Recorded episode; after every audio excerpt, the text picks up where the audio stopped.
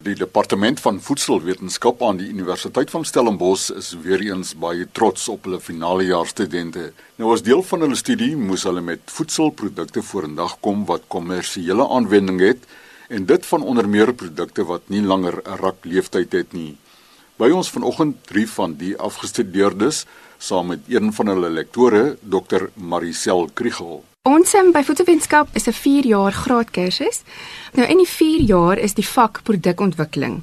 Nou dis 'n jaar vak wat die studente het met 'n oorkoepelende projek wat dan nou die feit is dat hulle produk moet ontwikkel binne die vak. Die doel van hierdie hele vak is om al die kennis wat hulle oor hulle eerste 3 jaar geleer het, dan nou toe te pas Hulle moet innoverend kan dink, hulle moet hoogs wetenskaplik ehm um, kan redeneer en hulle moet met probleemoplossing kan hanteer.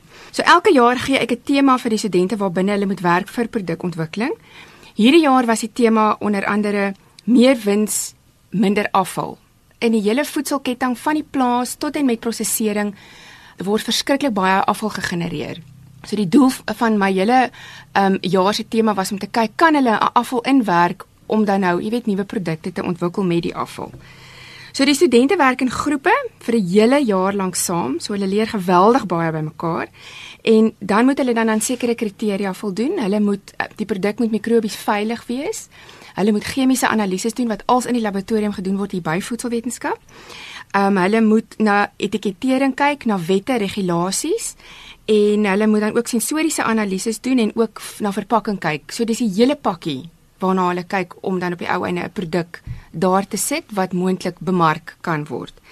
Die groepe kry verskriklike klein begroting en hulle moet dan die voedselbedryf nader vir skenkings, soos byvoorbeeld vir bestanddele wat hulle dan nou moet gebruik. Die samewerking met die bedryf is van onskatbare waarde vir die studente. Hulle leer van professioneel wees. Hulle leer ontsettend baie en hulle maak ook baie kontakte en baie van hulle kry werk by van die plekke wat hulle byvoorbeeld nader. So die industrie borg dan ook pryse vir ons waar uh, aan die einde van die jaar het die studente hulle voorleggings en um, die industrie borg dan vir ons groot pryse en ek kry ook beoordelaars uit die voedselbedryf wat dan hulle hele voorlegging kom beoordeel. So ons doen dit op 'n baie professionele manier en ons betrek die industrie waar ons ook al kan.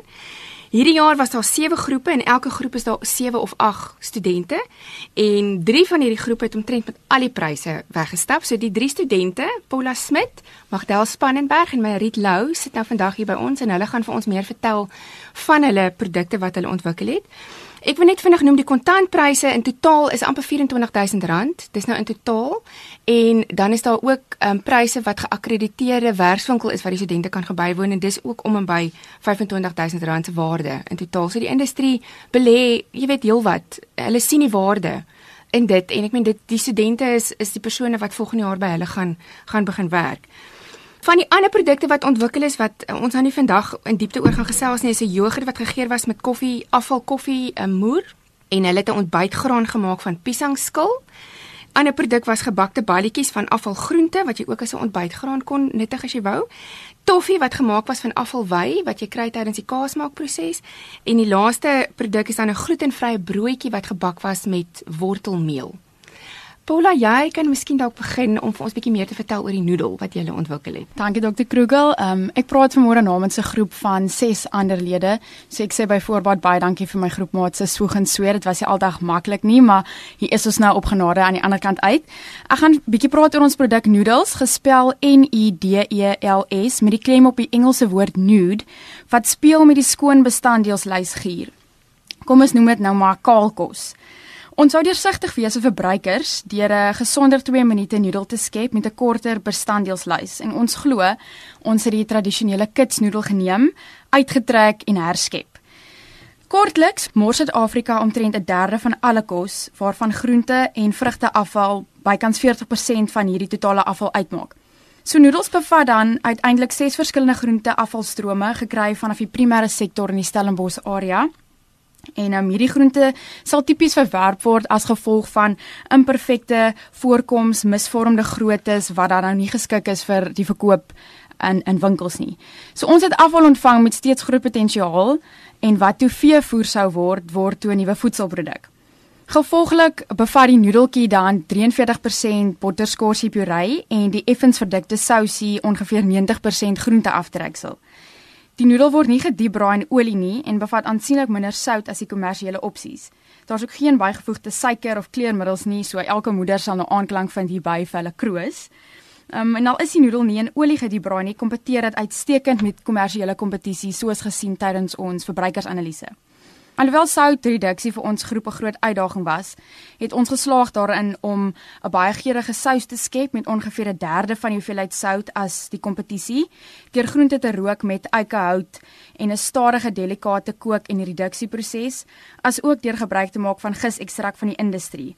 So ons het dit reg gekry om die gewenste boerewors braaigeur te skep in die sous waarop ons baie trots is. Geen bestanddele is van dierlike afkoms nie wat die produk maak um geskik vir vegans en vegetariërs. Ons het opgelet dat die kommersiële produkte tans beskikbaar um bevat ongeveer 34% van die volwassenes se daaglikse soutinname wat vir ons verskriklik hoog is. So as jy een pakkie um kitsnoedels sou eet, is jy klaar bykans by 'n derde van jou sodiuminname wat vir ons verskriklik hoog was. So dit was uh, baie belangrik. As ook daar's nuwe voedselregulasies en wette wat tans uit is wat jou um, soutinname reguleer in hierdie produkte en ons het geweet dit sal vir ons belangrik wees. Kyk Magdal en julle bier. Ek eh, verteenwoordig ag lede in 'n groep, Preto Brew, wat bier vanuit brood maak om met die tema van ons projek so goed moontlik um, te gehoorsaam. Ons is die afvalproduk waarop ons groep gefokus het, brood hoofsaaklik. Broodproduksie soos almal weet in ons land is enorm. Ongelukkig is die vermorsting van brood net so groot. Ek bedoel as kyk omtrent 30% van die afvalprodukte of dan nou voedselvermorsting is graangebaseerde produkte. Ongelukkig of gelukkig vir ons is brood tentatief een van jou goedkoper produkte ten opsigte van die verbruiker sowel as die produsent. Ehm um, as ons kyk byvoorbeeld na ondernemings soos bakkerye, Elke dag word daar omtrent vars brood op die rak gesit wat beteken elke dag word omtrent brood van die rak af geneem. Wat beteken dat hierdie brood slegs ten opsigte van tekstuur gewys nie voldoende meer is vir die verbruiker nie. Ons kan groter kettingwinkels na kyk wat brood van hulle rakke af moet verwyder slegs omdat dit ehm um, verbyl verval datum is. Hierdie brood moet keer eintlik nog niks, dis 100% veilig en eetbaar. So as ons kyk brood vir ons as as 'n groep was die ideale rou materiaal gewees. En met hierdie hele craft beer tendens wat ook nou al sy kop uitgesteek het, ek bedoel die Weskaap is 50% van alle ehm um, mikrobrouwerye is in die Weskaap wat in Suid-Afrika is. So daar's 'n regtig goeie mark vir ons produk en ons het dus gevoel dat bier net die mees geskikte produk vir ons is. As ons 'n bietjie na die bier self kyk, dit volg redelik dieselfde produksieproses as enige ander gewone eh, kommersiële bier behalwe nou vir die toevoeging van brood. Ons voeg beide wit en bruin brood in die proses. Hoekom ons of die hoofrede hoekom ons altyd byvoeg en nie byvoorbeeld wit of bruin nie, is bruin brood het 'n hoër suikerinhoud en dit is baie belangrik vir ehm um, die alkoholinhoud van ons bier.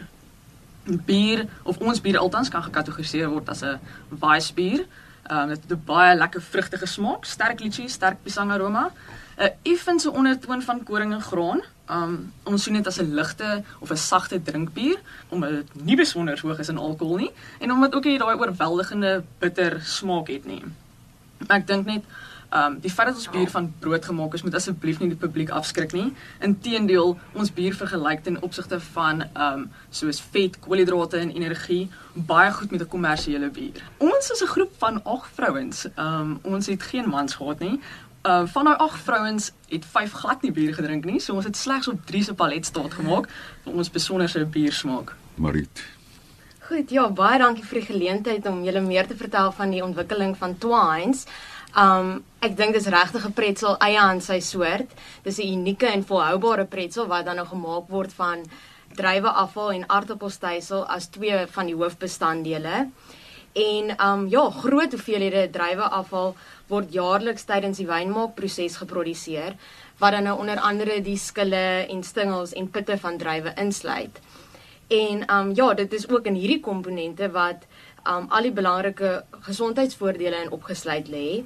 En ons het baie navorsing gedoen en toe bevind dat in Amerika het hulle al verskeie pogings aangewend om 'n meel daarvan te produseer terwyl dit in Suid-Afrika egter tot niet gaan en op komposhope beland.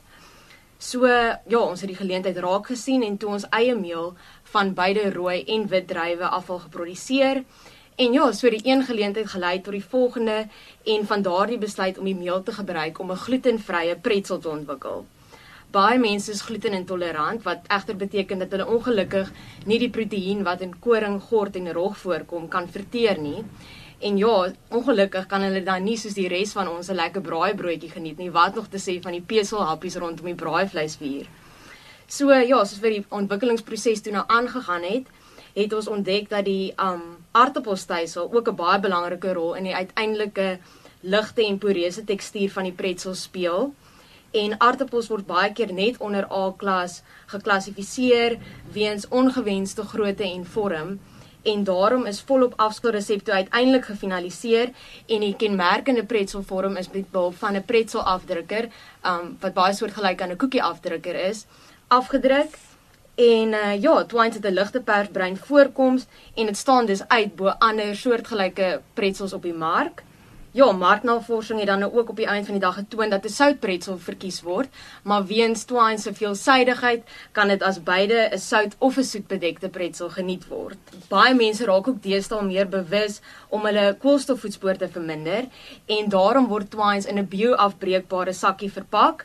Dit is um eenvoudig 'n herseelbare sakkie wat regop staan op die winkelrak en sodoende ook um bo ander verpakkingstipes kan uitstaan.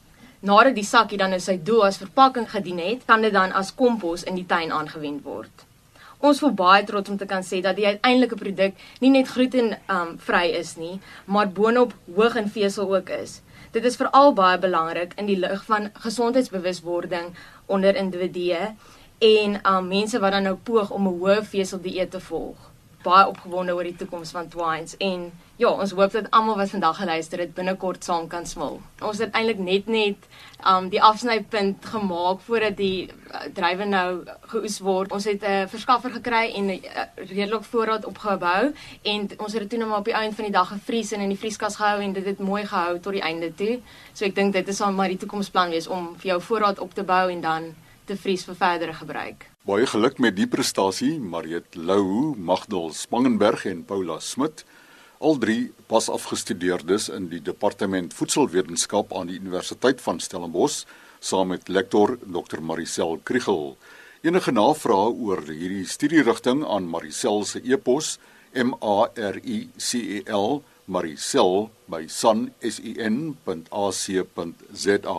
Groete.